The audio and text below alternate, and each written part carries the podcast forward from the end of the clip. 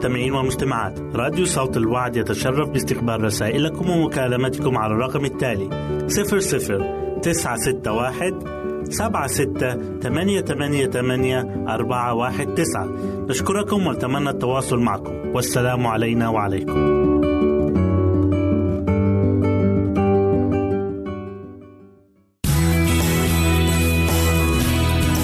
استماع وتحميل برامجنا من موقعنا على الإنترنت www.awr.org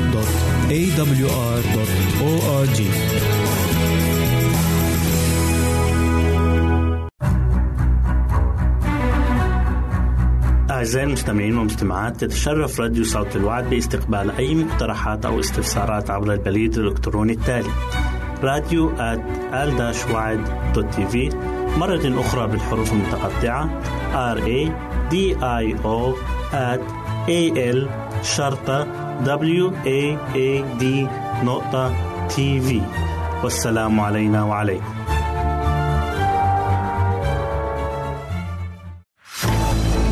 أعزائي المستمعين والمستمعات راديو صوت الوعد لا يكتفي بخدمتكم عبر الموجات الصوتية فقط بل وإنه يطرح لكم موقعا إلكترونيا يمكنكم من خلاله مشاهدة أجمل البرامج الدينية الثقافية الاجتماعية وغيرها من المواضيع الشيقة. يمكنكم زيارة الموقع من خلال العنوان التالي www.al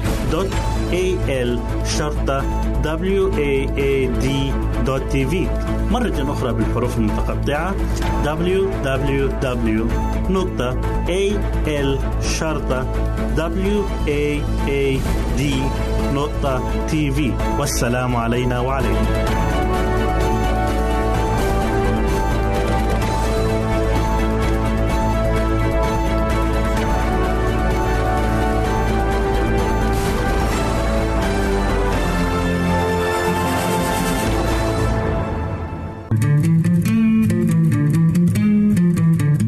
أنتم تستمعون إلى إذاعة صوت الوعي.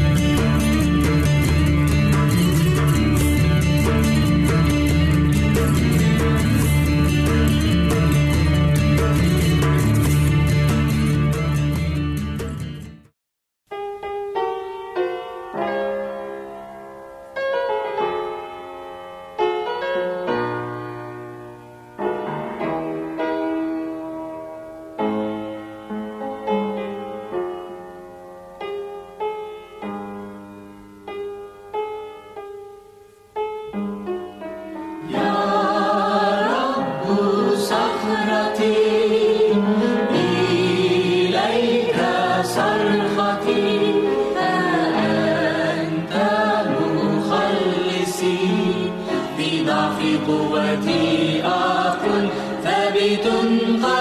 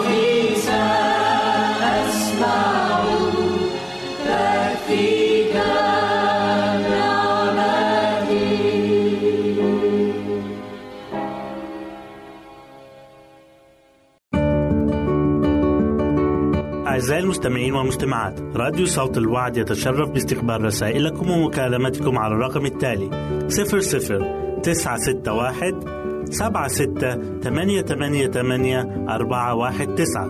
نشكركم ونتمنى التواصل معكم. والسلام علينا وعليكم.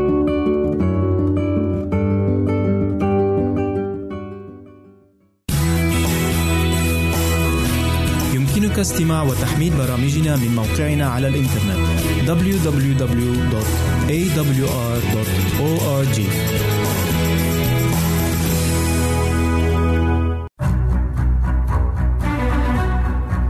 أعزائي المستمعين والمستمعات تتشرف راديو صوت الوعد باستقبال أي مقترحات أو استفسارات عبر البريد الإلكتروني التالي راديو في مرة أخرى بالحروف المتقطعة. R A D I O at A L شرطة W A A D نقطة تي في والسلام علينا وعليكم. أهلا وسهلا بكم مستمعينا الكرام في كل مكان. يسعدني أن أقدم لكم برنامج أطفالنا زينة حياتنا. وحلقة اليوم هنتكلم فيها عن فتح الشهية وزيادة وزن الطفل.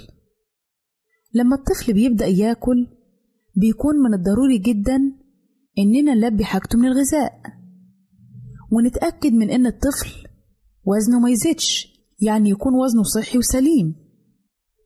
وده بيكون من أكتر التحديات اللي بتواجه كل أم لأن ممكن يعاني بعض الأطفال من فقدان الشهية ونبص نلاقي وزنهم بيقل. وده بيسبب قلق شديد جدا للأهل وكمان بيأثر على صحة الطفل العامة. وفقدان الشهية من المشاكل الشائعة جدا في الأطفال. ممكن يكون فقدان الشهية ليه عدة أسباب. الحمى أو البرد أو احتقان الأنف أو مشاكل في الهضم زي الإمساك والغازات والحموضة والإسهال.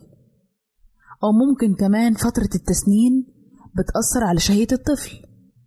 وتخليه ما يكونش عنده الرغبة إنه ياكل. عشان كده من المهم جدا تنظيم وقت الوجبات بتاع الطفل. ده ليه أهمية كبيرة بالنسبة للطفل. واتكلمنا في حلقات قبل كده عن هذا الموضوع. كمان شرب الحليب كتير بيسبب انخفاض للشهية وممكن الطفل يصاب بالإمساك. رغم إن وزن بعض الأطفال بيكون على الحد الأدنى الطبيعي. إلا إنهم بيكونوا أصحاء. فإذا رحت للدكتور أو الطبيب وقالك إن وزن طفلك مقبول وكويس يبقى مفيش داعي للقلق. لكن إذا قالك إن طفلك وزنه قليل زيادة عن اللزوم يبقى في الوقت ده مهم جدا إنك تسمعي إرشادات الطبيب. لأن نقص الوزن الشديد بيعرض الطفل لتراجع نشاطه وضعف المناعة عنده وممكن يؤدي للتأخر في البلوغ. وكمان العكس. لما يكون وزن الطفل زيادة ده بيؤدي للبدانة وممكن يصاب الطفل بمرض السكري. عشان كده عزيزتي المستمعة عليك الأول إنك تعرفي وزن طفلك. لازم تتأكدي إذا كان وزنه طبيعي أو غير طبيعي عشان تقدري تحكمي عليه إذا كان ضعيف أو إذا كان وزنه زيادة. ما تكتفيش أبدا بإنك تقارنيه مثلا بإخواته لما كانوا في عمره أو تقارنيه بابن الجيران أو أحد الأقارب لأن ده بيختلف من طفل لطفل. فإذا كان طفلك شهيته ضعيفة بيقال إن القرفة من أكتر الأطعمة اللي بتساعد على تحسين الشهية عند الأطفال. وكمان لما تضيفيها على أكل الطفل هيديله نكهة لذيذة جدا. كمان بتعد البطاطا الحلوة من الأطعمة اللي بتساعد على زيادة وزن الطفل بطريقة صحية. لأن البطاطا الحلوة غنية بفيتامين ألف وفيتامين جيم والنحاس والألياف الغذائية. أما الجزر فبيساعد على زيادة الشعور بالجوع وبيساعد الطفل إنه يأكل أكتر. إذا كان طفلك بيعاني من نقص الشهية بإمكانك إنك تحببيه إنه يأكل. عن طريق مثلا التنويع في الأكل وطريقة تحضيره تحضره له بطريقة مختلفة. كمان ممكن تطلبي من طفلك إذا كان سنه يسمح إنه يشارك معاكي في تجهيز الأكل. ومن الأكلات اللي بتكون محببة بالنسبة للأطفال سلطة الفواكه والبطاطا الحلوة المهروسة مع الزبدة أو القرفة. كمان نقلل من عصير الفواكه عشان زيادة الوزن ونركز على الأطعمة اللي فيها سعرات حرارية وكالوريز وبروتين أكتر. كمان لازم يكون وقت طعام الطفل مريح واجتماعي ومع أكبر عدد ممكن من أفراد الأسرة لأن مشاهدة الطفل للآخرين وهم بياكلوا بشكل صحيح هيشجعه كمان إن هو ياكل وكمان هيتعلم عادات حسنة. لازم نصنع جو أسري مليان بالحب والمودة لأن مزاج الطفل بيتأثر جدا بكل اللي حواليه خصوصا نفسية الأم. ما تظهريش فشلك أبدا إذا عملتي نوعية أكل جديد والطفل رفض إنه ياكله. ممكن ده يحتاج لبعض المحاولات الكتيرة منك. كمان حاولي تتجنبي إنه يكون وقت الأكل معركة. حوالين نوع معين من الأكل أو الكمية اللي المفروض الطفل ياكلها. تقدري كمان تمدحي الطفل وتكافئيه لما ياكل الأكل بتاعه بطريقة صح. ما ينفعش نعاقب الطفل علشان الأكل. حاولي إنك تحسني العلاقة العاطفية بينك وبين طفلك لأن قمع الطفل وتوبيخه وضربه بيسبب له خوف وبيقلل من شهيته. لأن عدم الرغبة في تناول الطعام وفقدان الشهية ده ساعات بيكون أمر شائع جدا وطبيعي بين الأطفال. فما فيش داعي للخوف والقلق الزيادة. كمان بنصح كل أم إنها تنوع في الطعام على قد ما تقدر. لأن لما بننوع للطفل في الأكل ده بيزيد من شهيته ويخليه ياكل بسهولة. لازم كمان نعود الطفل من هو صغير إنه ياكل الأكل الصحي زي الخضروات الطازة والفواكه ياكلها بشكل يومي. لضمان اكتساب الفوائد الغذائية المتعددة وتوريثهم عادات غذائية سليمة. لأن الأطعمة الغنية بالمغذيات بتحتوي على كميات عالية جدا من العناصر الغذائية زي الفيتامينات والمعادن والألياف مقارنة بسعراتهم الحرارية. الأطعمة دي ممكن تساهم بشكل كبير جدا في زيادة وزن الطفل لكن لازم نتعود إننا نستهلك كل حاجة في حدود المعقول. كمان تقدري تقدمي الأكل لطفلك في أطباق ملونة كده وجميلة بتاعت الأطفال لأن الحاجات دي بتجذب انتباه الطفل وبتخليه ياكل من غير ما يتعبك. وبكده أعزائي نكون وصلنا لنهاية برنامجنا أطفالنا زينة حياتنا. نسعد بتلقي آرائكم ومقترحاتكم وتعليقاتكم. وإلى لقاء آخر على أمل أن نلتقي بكم. تقبلوا مني ومن أسرة البرنامج. أرق وأطيب تحية. وسلام الله معكم. أعزائي المستمعين والمستمعات راديو صوت الوعد لا يكتفي بخدمتكم عبر الموجات الصوتية فقط بل وإنه يطرح لكم موقعا إلكترونيا يمكنكم من خلاله مشاهدة أجمل البرامج الدينية الثقافية الاجتماعية وغيرها من المواضيع الشيقة. يمكنكم زيارة الموقع من خلال العنوان التالي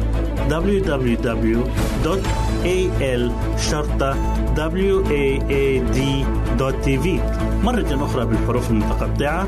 Www.al-waad.tv والسلام علينا وعليكم.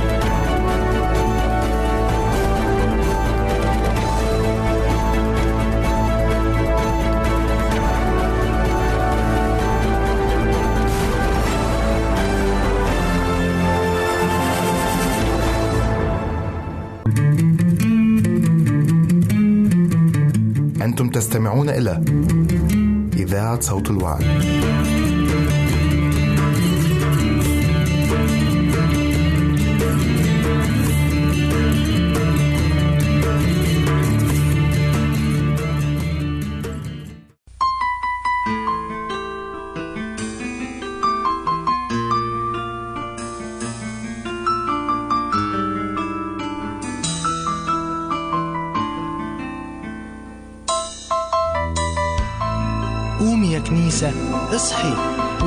وكمان صحي الولاد وتشدي وقفي على رجلين شداد. واملي قلبك من الروح وتنسمي نسمات جداد. قومي يا كنيسة احلمي من غير نوم وعينيكي مفتحين. احلمي لبعيد أبعد من اللي تقدر تشوفه العين. احلمي من غير حد ده اللي ملوش حلم ملوش غد. وأيامه ضايعين احلمي الحلم الجريء. احلمي بيوم المجيء اللي لازم هيجي.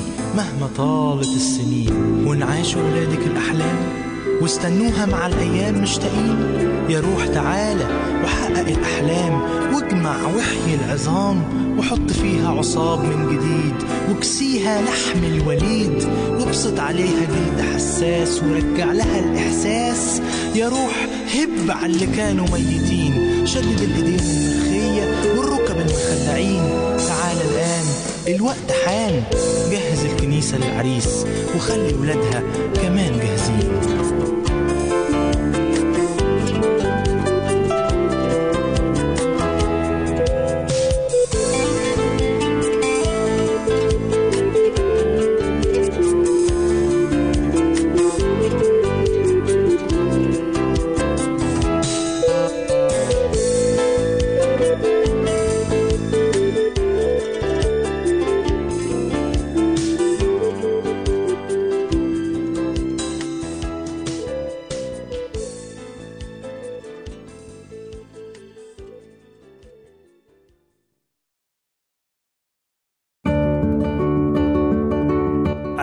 المستمعين والمستمعات راديو صوت الوعد يتشرف باستقبال رسائلكم ومكالمتكم على الرقم التالي 00 961 سبعة ستة ثمانية ثمانية ثمانية أربعة واحد تسعة.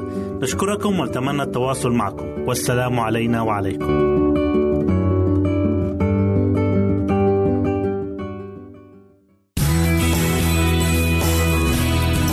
استماع وتحميل برامجنا من موقعنا على الإنترنت www.awr.org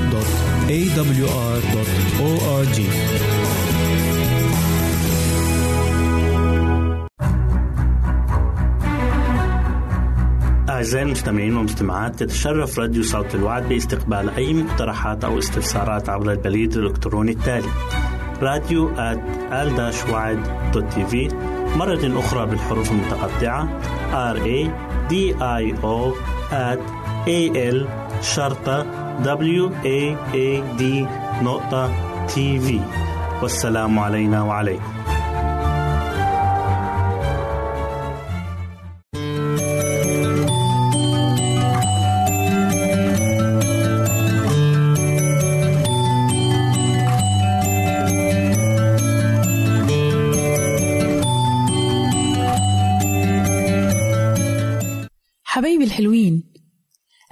بيكم في برنامج قصص وحكايات لأحلى صبيان وبنات.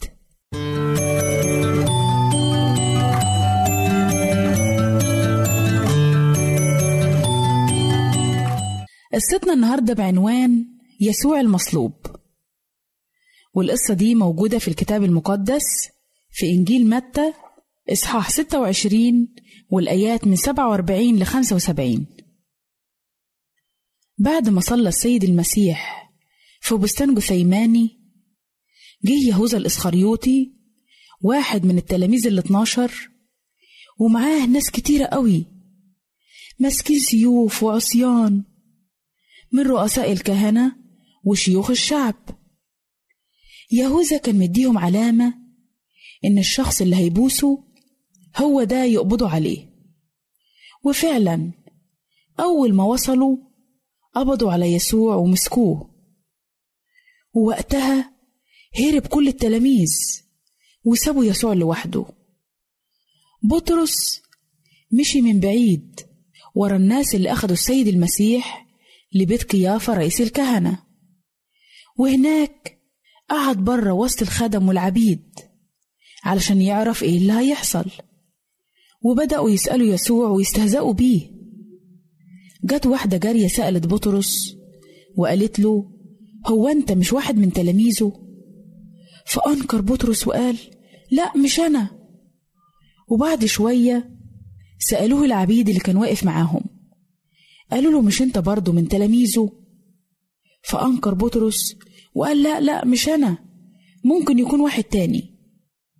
وبعدين واحد تاني من العبيد قال له مش أنا شفتك معاه في البستان؟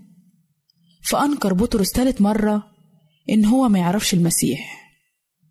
وفي اللحظة دي بص يسوع لبطرس. فافتكر بطرس كلام الرب يسوع لما قال له قبل ما يصيح الديك هتنكر ثلاث مرات إنك تعرفني.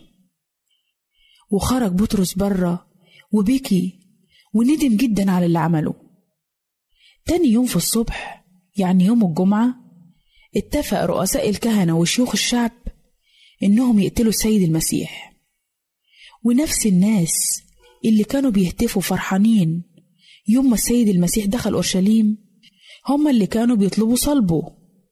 وكمان عساكر الوالي اتجمعوا حوالين يسوع وضفروا تاج من الشوك وحطوه على راسه. وفضلوا يتريقوا عليه ويضربوه ويجلدوه. وبعد كده أخدوه لمكان اسمه الجلجثة. وصلبوا يسوع بين اتنين لصوص واحد على اليمين والتاني على الشمال. فراح يسوع صلى كده وقال يا أبتاه اغفر لهم لأنهم لا يعلمون ماذا يفعلون. يعني الناس دي مش فاهمين هما بيعملوا إيه لأن يسوع كان بريء. ويسوع على الصليب الشمس ضلمت وانشق حجاب الهيكل من فوق لتحت.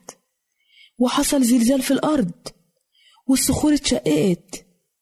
ونادى يسوع يا أبتاه في يديك أستودع روحي.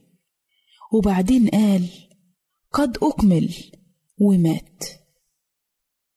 جه راجل غني من الرامة اسمه يوسف وطلب من بيلاطس إن ياخد جسد الرب يسوع. وبعد ما أخده لفه في كتان نقي. وحطه في قبر جديد منحوت في صخرة. وحط حجر كبير جدا على باب القبر ومشي. ورؤساء الكهنة طلبوا من بيلاطس إنه يحط حراس على باب القبر. وفي فجر يوم الأحد يعني في تالت يوم بعد صلب المسيح راحت مريم المجدلية ومريم تانية معاها عند القبر. وحصلت زلزالة عظيمة جدا لأن ملاك الرب نزل من السماء ودحرج الحجر عن الباب وقعد عليه. وكان منظره زي البرق والحراس خافوا جدا من منظره وكلهم اتكفوا على الأرض. لكن الملاك قال للمريمات ما تخافوش. أنا عارف إنكم عايزين يسوع المصلوب. هو مش هنا لأنه قام زي ما قال لكم. تعالوا شوفوا المكان اللي كان الرب نايم فيه. السيد المسيح قام وانتصر على الموت. ظهر للمريمات وللتلاميذ كمان وهم مجتمعين وبياكلوا. وراهم إيديه ورجليه مطرح المسامير على الصليب.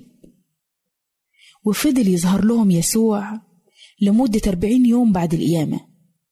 وكان بيعلمهم ويشرح لهم حاجات كتيرة جدا عن ملكوت الله. وبعد الأربعين يوم دول باركهم يسوع وصعد للسماء. قصة صلب يسوع دي يا ولاد. الله اللي دبرها وخططها علشان إحنا البشر وقعنا في الخطية. وكان محكوم علينا بالموت. وكان لازم يجي شخص يكون بار ما عملش ولا خطية عشان ينفع يموت بدلنا إحنا الأشرار. وما كانش ينفع ده يحصل إلا لما يسوع ياخد جسد إنسان ويجي على الأرض ويعيش عيشتنا. لكن الوحيد على وجه الأرض كلها اللي عاش على الأرض وما عملش ولا خطية كان هو الرب يسوع. علشان كده هو الوحيد اللي قدر يموت على الصليب ويمحي كل خطايانا. وبكده حبايبي نكون وصلنا لنهاية قصتنا واستنونا في قصة جديدة من برنامج قصص وحكايات لأحلى صبيان وبنات. ربنا معاكم.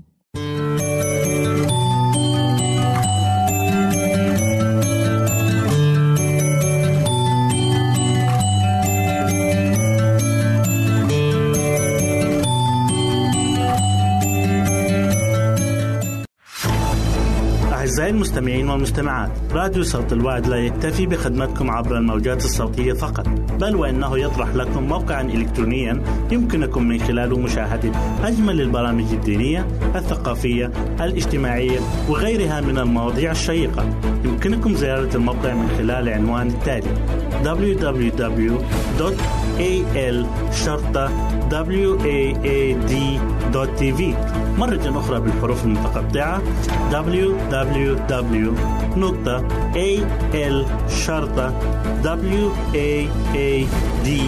waad.tv والسلام علينا وعليكم.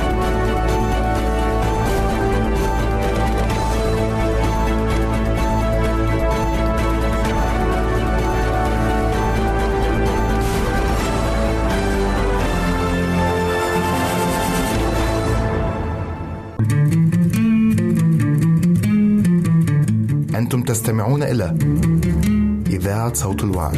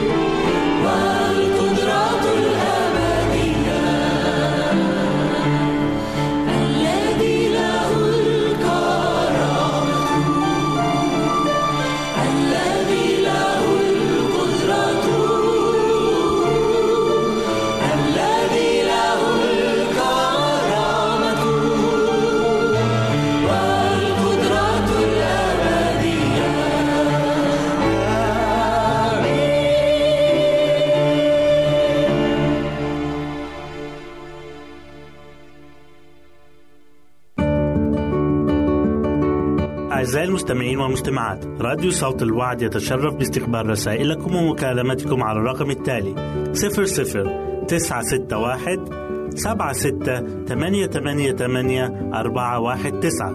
نشكركم ونتمنى التواصل معكم. والسلام علينا وعليكم.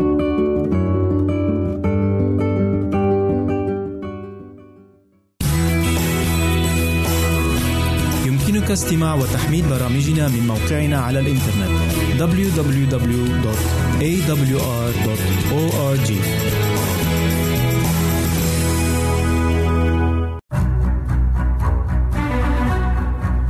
أعزائي المستمعين والمستمعات تتشرف راديو صوت الوعد باستقبال أي مقترحات أو استفسارات عبر البريد الإلكتروني التالي راديو في مرة أخرى بالحروف المتقطعة. R A D I O at A L شرطة W A A D نقطة تي في والسلام علينا وعليكم.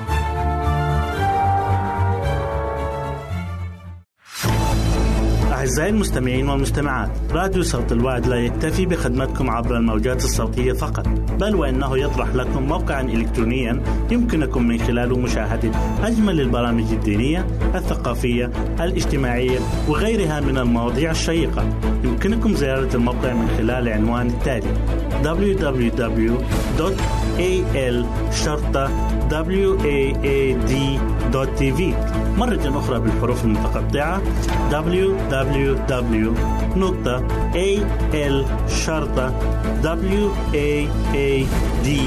www.al-waad.tv والسلام علينا وعليكم.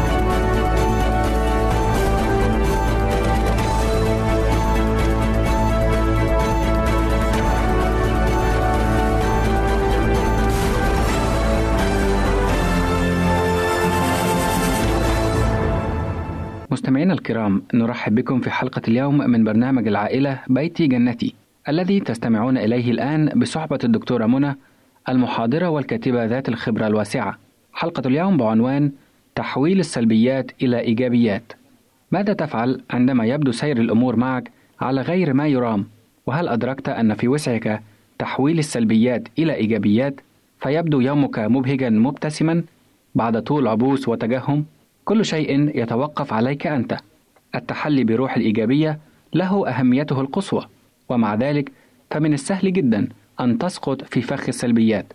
وستجد في قصة الدكتورة منى اليوم درسا قيما قد تود تلقينه لأولادك. اعتادت الأم في كل صباح أن تحيي ابنها خليل البالغ الخامسة من العمر بهذه الكلمات. سيكون اليوم رائع. وقد كانت تردد عليه هذه العبارة بغض النظر عن حالة الطقس سواء كان ممطرا أو مشمسا. وبعد هذه التحية كانت الأم تصطحبه إلى الحديقة لإطعام الحمام وحلب البقر. ولكن لم تكن بعض هذه الأيام بهذه الروعة التي تمنتها والدته. فقد كان خليل أحيانا يخرج مع والدته في الصباح ليواجه طقسا مثلجا أو شديد المطر أو عاصف جدا. وكأنه سيطير مع الهواء. وفي ذات صباح عزم خليل على تحدي ومعارضة تحية والدته المعتادة. ولما بادرته في ذلك الصباح قال وهو يهز رأسه كلا فاليوم غير رائع. وإذ قال هذا أشار بإصبعه إلى السحب الداكنة التي تجمعت منذرة بهطول مطر غزير وهبوب عاصفة هوجاء قالت الأم متسائلة لن يكون جميلا؟ قال كلا لن يكون بل سيكون يوما فظيعا. قالت الأم حسن إذا كنت تظن أنه سيكون فظيعا فسيكون كذلك بالفعل. وفي هذه الحالة الأفضل أن تعود إلى فراشك لتتحاشى البرد والعواصف. عاد خليل إلى فراشه وقد تنفس الصعداء وجذب فوقه الغطاء الدافئ واسترسل في نوم عميق لمدة ساعة أو ما يزيد قليلا.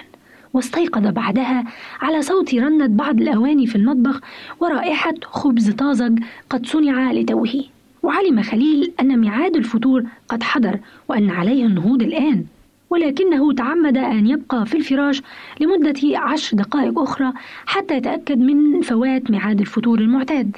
وبعد ذلك قام وارتدى ملابسه بسرعة وأسرع إلى أسفل يتناول فطوره في المطبخ. وما أن رأته أمه حتى قالت في تعجب ماذا تفعل هنا؟ أنا جوعان وقد أتيت لتناول فطوري. ولكنك قلت أن اليوم فظيع وتناول طعامك سيجعله رائع. فالأفضل أن تعود إلى فراشك. وبحسم قادت الأم ابنها إلى غرفة نومه ثانية. ولما حاول خليل تناول طعام الغذاء واجه نفس التصرف من والدته. ولما حان ميعاد العشاء كان خليل يتدور جوعا بل ويكاد يموت. وهنا سألته أمه كيف كان يومك؟ فظيع بل أسوأ أيام حياتي. قالت الأم حسن فإني أريدك أن تتعلم شيئا على جانب كبير من الأهمية. أنت الذي تقرر فيما إذا كان يومك فظيع أو رائع. فالأمر متروك لك وشيء آخر أضيفه وهو أن عليك أن تعمل وتجاهد حتى تجعل يومك رائعا. وقد أصابت هذه الأم فيما قالت. فالعديد من الناس يمضون في الحياة وهم يلومون الآخرين على بؤسهم. وما يواجههم من منغصات ويشعرون بالمرارة لأن الدنيا لم تبتسم لهم ويتمنون أن يتمتعوا بالثراء في يوم ما. ولكن هذا اليوم لا يأتيهم أبدا. وهكذا يعيشون حياة البؤس يوما بعد الآخر دون أن يدركوا أنهم يمتلكون القدرة على تحويل السلبيات إلى إيجابيات والفظيع إلى رائع.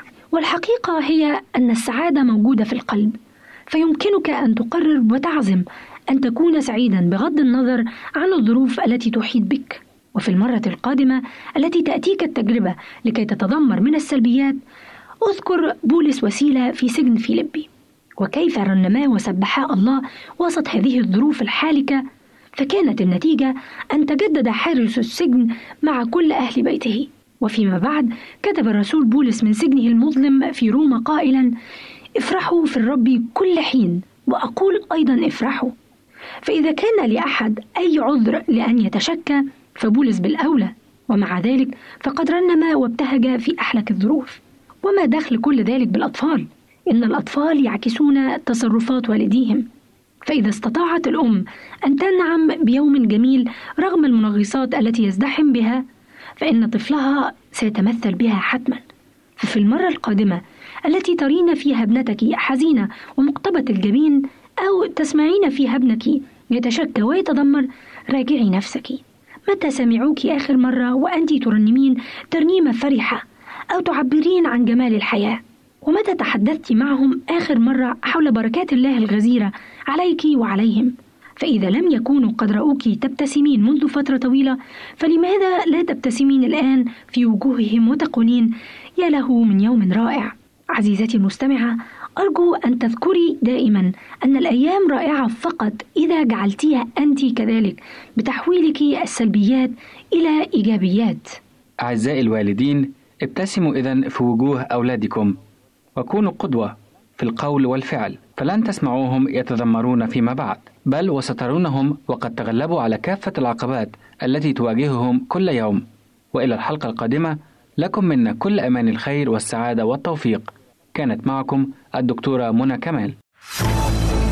أعزائي المستمعين والمستمعات راديو صوت الوعد لا يكتفي بخدمتكم عبر الموجات الصوتية فقط بل وإنه يطرح لكم موقعا إلكترونيا يمكنكم من خلاله مشاهدة أجمل البرامج الدينية الثقافية الاجتماعية وغيرها من المواضيع الشيقة.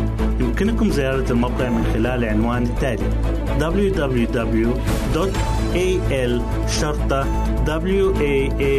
www.al.waad.tv مرة أخرى بالحروف المتقطعة www.al.waad.tv والسلام علينا وعليكم.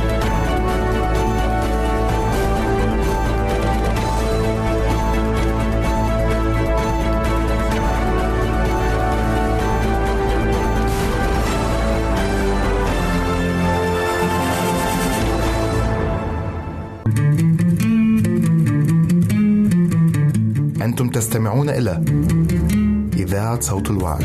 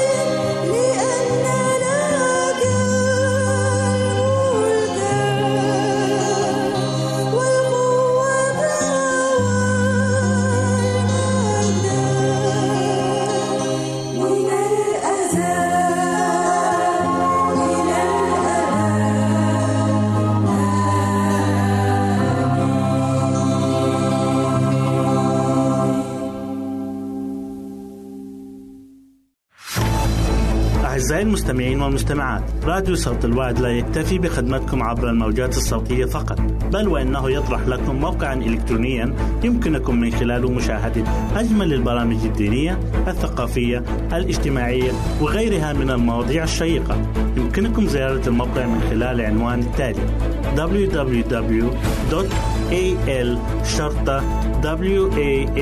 www.al-waad.tv مرة أخرى بالحروف المتقطعة www.al-waad.tv والسلام علينا وعليكم.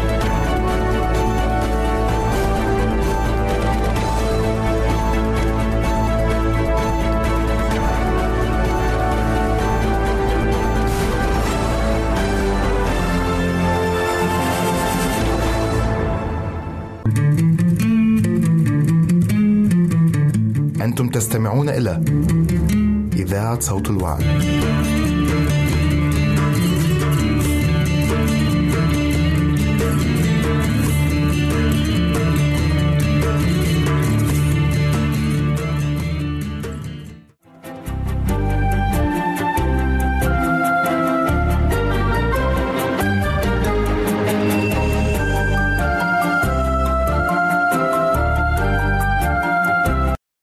أخرى أعزائنا المستمعين نرحب بكم في حلقة جديدة من برنامج دروس حياتية من عائلات كتابية. كنا تكلمنا سابقا كيف أن النبي آدم لم يتخيل أنه ينفصل عن شريكة حياته حواء وأراد أن يشاطرها مصيرها. ولكن الخطأ الذي وقع فيه أن محبته لزوجته فاقت على محبته لله. نشوف بعدما سقط آدم وحواء في الخطية تأثرت علاقتهما مع بعضهم البعض ومع الله. كيف ظهر ذلك؟ إيه اللي إحنا نتعلمه كأزواج وزوجات مما حدث مع أبوين الأولين؟ فعلا حدث تغيير كبير في علاقة الزوج بزوجته. آدم وحواء. أثرت علاقتهما بسبب تأثير وسلطان الخطية. فكما عرفنا سابقا أن آدم كان مستعدا أن يضحي بعشرته مع الله والملائكة أراد أن يضحي بالحياة الأبدية من أجل حواء ومحبته له. لكن الآن بعد الخطية نجد يختبئ من الله ويقول سمعت صوتك في الجنة فخشيت لأني عريان فاختبأت وعندما يسأله الله من أعلمك أنك عريان؟ نجده يجيب إجابة غريبة جدا. المرأة التي جعلتها معي هي أعطتني من الشجرة فأكلت. هنا بدأ آدم يلقي باللوم على حواء أنها السبب في سقوطه في الخطية. وفي نفس الوقت كان يلقي باللوم على الله أنه هو الذي جعل معه حواء التي كانت سببا في سقوطه في الخطية. لم تكن حواء أقل من آدم في إلقاء اللائم على الله. عندما قالت الحية غرتني فأكلت. وكأنها تقول أن الحية التي خلقتها يا الله هي السبب في سقوطي في الخطية. ويمكن أن نجد هنا درس لكل أسرة وبيت. أن أحد أسباب التعاسة والشقاء في البيت أن كل طرف في البيت يلقي باللائمة على الطرف الآخر. أنه هو السبب في المشاكل التي يتعرض لها أو الخسارة التي يواجهها. وهذا ما نراه في كثير من البيوت. الزوجة تتهم الزوج وتلومه أنه السبب في تعاستها وشقائها والزوج يتهم الزوجة أنها السبب مثلا في الخسارة المالية التي تعرض لها. توجيه الاتهامات واللوم يجعل البيت يفقد السلام والمحبة. لذلك يمكن أن نتعلم من موقف آدم وحواء هذا أنه بدلا من توجيه الاتهام واللوم على الغير أن يعترف الإنسان بخطئه فالاعتراف بالخطأ هو قمة القوة والشجاعة. ومن يعلم؟ لو أن آدم وحواء اعترفا كل منهما بخطئه وطلبا من الله الغفران والمسامحة كان يمكن أن حكم الله عليهما سيختلف. كان يمكن أن الله يغفر لهما ويمنحهما فرصة أخرى. وهذا ما وعد به الكتاب المقدس في رسالة يوحنا الأولى الأصحاح الأول والعدد التاسع. يقول الكتاب إن اعترفنا بخطايانا فهو أمين وعادل حتى يغفر لنا خطايانا ويطهرنا من كل اسم. أيضا نريد أن نعرف بعد سقوط آدم وحواء في الخطية وطردهما من الجنة آه، هل لم يكن هناك شيء يجعلهم يعيشوا في سلام وسعادة؟ هل كل شيء حولهم كان التعب والشقاء والحزن؟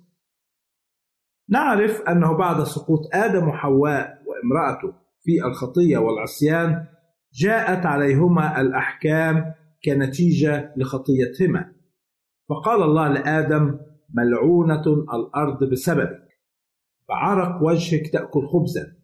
وقال المرأة تكثيرا أكثر أتعاب حبلك. بالوجع تلدين أولادا وهنا بدأت العائلة الأولى تعرف وتختبر أشياء لم يكونا يعرفانها. الألم التعب والمرض والحزن. وتنتهي حياة الإنسان بعد ذلك بالموت. وبدأت هذه الأشياء تنتقل بعد ذلك من جيل إلى جيل. حيث يقول الكتاب المقدس بإنسان واحد دخلت الخطية إلى العالم وبالخطية الموت وهكذا اجتاز الموت إلى جميع الناس إذ أخطأ الجميع. ولكن بالرغم من وجود هذه الأشياء كان هناك أيضا ما يدعو إلى السعادة والسلام في حياة العائلة الأولى. ونقرأ عن ذلك في تكوين الأصحاح الثالث والعدد الخامس عشر. هنا كلمات تكلم بها الله إلى آدم وامرأته بعد سقوطهما في الخطية. يقول الكتاب المقدس وأضع عداوة بينك وبين المرأة وبين نسلك ونسلها. هو يسحق رأسك وأنت تسحقين عقبه. وهنا يقدم الله الوعد لآدم بأن نسلك سيسحق رأس الحية. سينتصر على أصل الخطية والشر. لذلك عاش آدم وامرأته حياة الرجاء بمجيء المخلص والفادي الذي سيعيدهم إلى حياتهم الأولى إلى الحالة التي كانت قبل الخطية ويعيد لهما كل ما خسراه لأجل هذا عندما أنجبت حواء ابنها الأول. نسمعها تقول اقتنيت رجلا من عند الرب. وفي بعض الترجمات سجلت هذه الآية على هذا النحو اقتنيت رجلا الرب. لقد ظنت حواء أن هذا الابن هو المخلص الذي وعدهم به الرب والذي سينقذهم ويعيد لهم الحياة التي خسروها بسبب تعديهم وخطيتهم. ولكن المخلص جاء بعد سقوط آدم وامرأته بحوالي أربعة آلاف سنة حيث يقول الكتاب المقدس ولما جاء ملء الزمان أرسل الله ابنه مولودا من امرأة. سعدت أن أكون معكم في هذه الحلقة. أرجو أن تكونوا قد استمتعتم بها حتى نلقاكم. سلام الرب يكون معكم. نرجو التواصل معنا عبر هذه العناوين. للتشات www.al-waad.tv وللرسائل radio at al-wad.tv والاتصال عبر الواتساب 961 76 888 419 961 76 888 419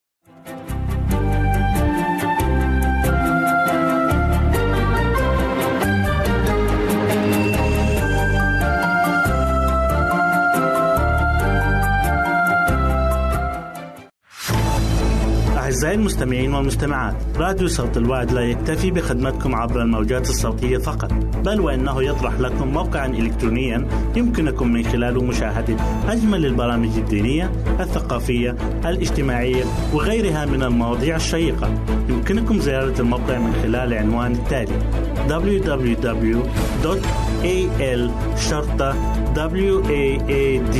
www.al-waad.tv مرة أخرى بالحروف المتقطعة.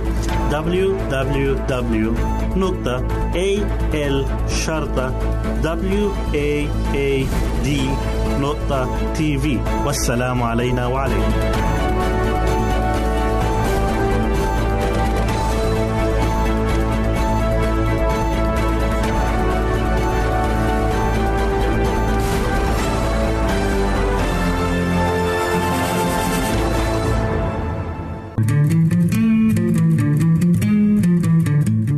تستمعون إلى إذاعة صوت الوعي.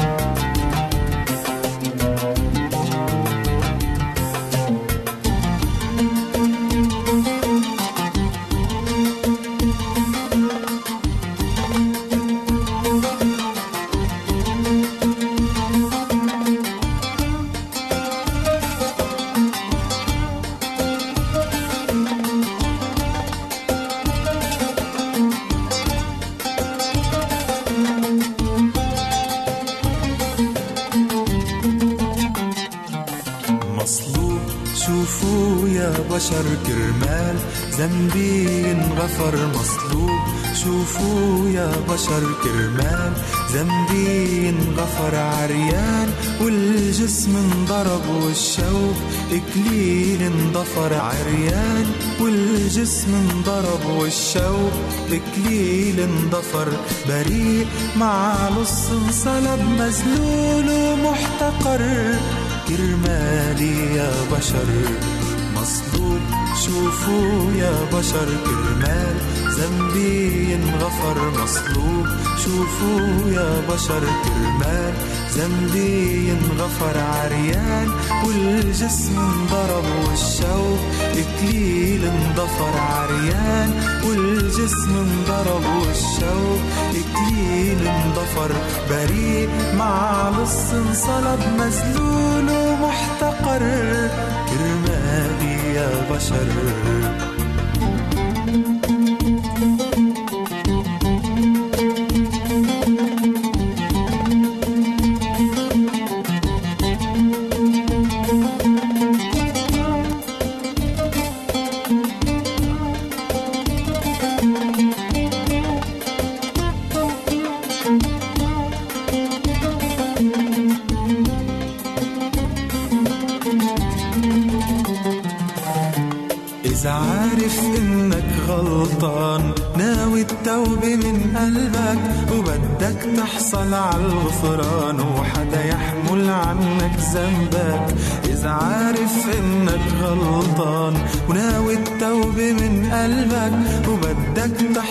الغفران وحدا يحمل عنك ذنبك تعا وقف جنبي يا خيي وتحرر من هالعبودية تعا وقف جنبي يا خيي وتحرر من هالعبودية ما في غيره بيعطي الحرية. يسوع اللي انتصر عريان والجسم انضرب والشوق اكليل انضفر. عريان والجسم انضرب والشوق اكليل انضفر.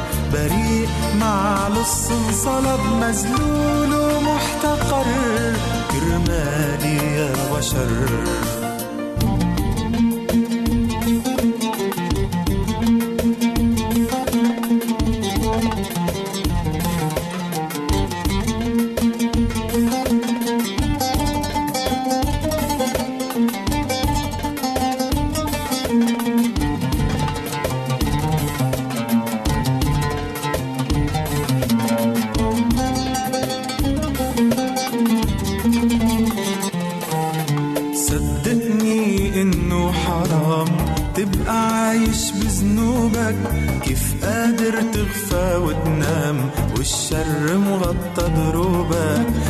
صدقني إنه حرام تبقى عايش بذنوبك. كيف قادر تغفى وتنام والشر مغطى دروبك. مش رح بيفيدك تأجيلك يمكن هالليل يناديلك. مش رح بيفيدك تأجيلك يمكن هالليل يناديلك. أنا من قلبي عم صلي لك بدمه تنستر عريان والجسم انضرب والشوق إكليل انضفر عريان. والجسم انضرب والشوق إكليل انضفر بريء. مع لص انصلب مذلول ومحتقر كرمالي يا بشر.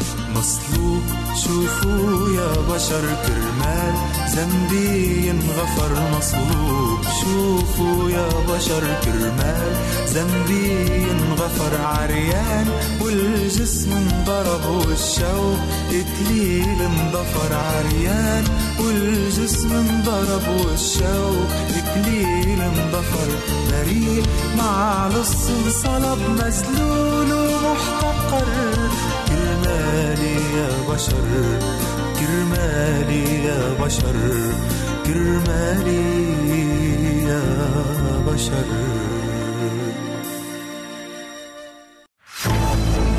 أعزائي المستمعين والمستمعات راديو صوت الوعد لا يكتفي بخدمتكم عبر الموجات الصوتية فقط بل وإنه يطرح لكم موقعا إلكترونيا يمكنكم من خلاله مشاهدة أجمل البرامج الدينية الثقافية الاجتماعية وغيرها من المواضيع الشيقة. يمكنكم زيارة الموقع من خلال العنوان التالي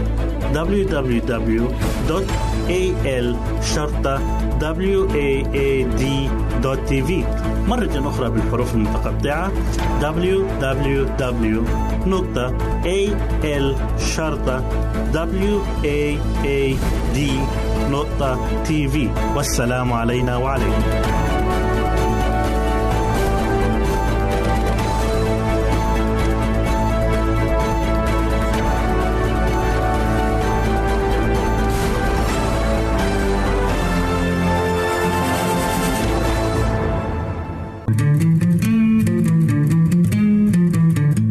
أنتم تستمعون إلى إذاعة صوت الوعد.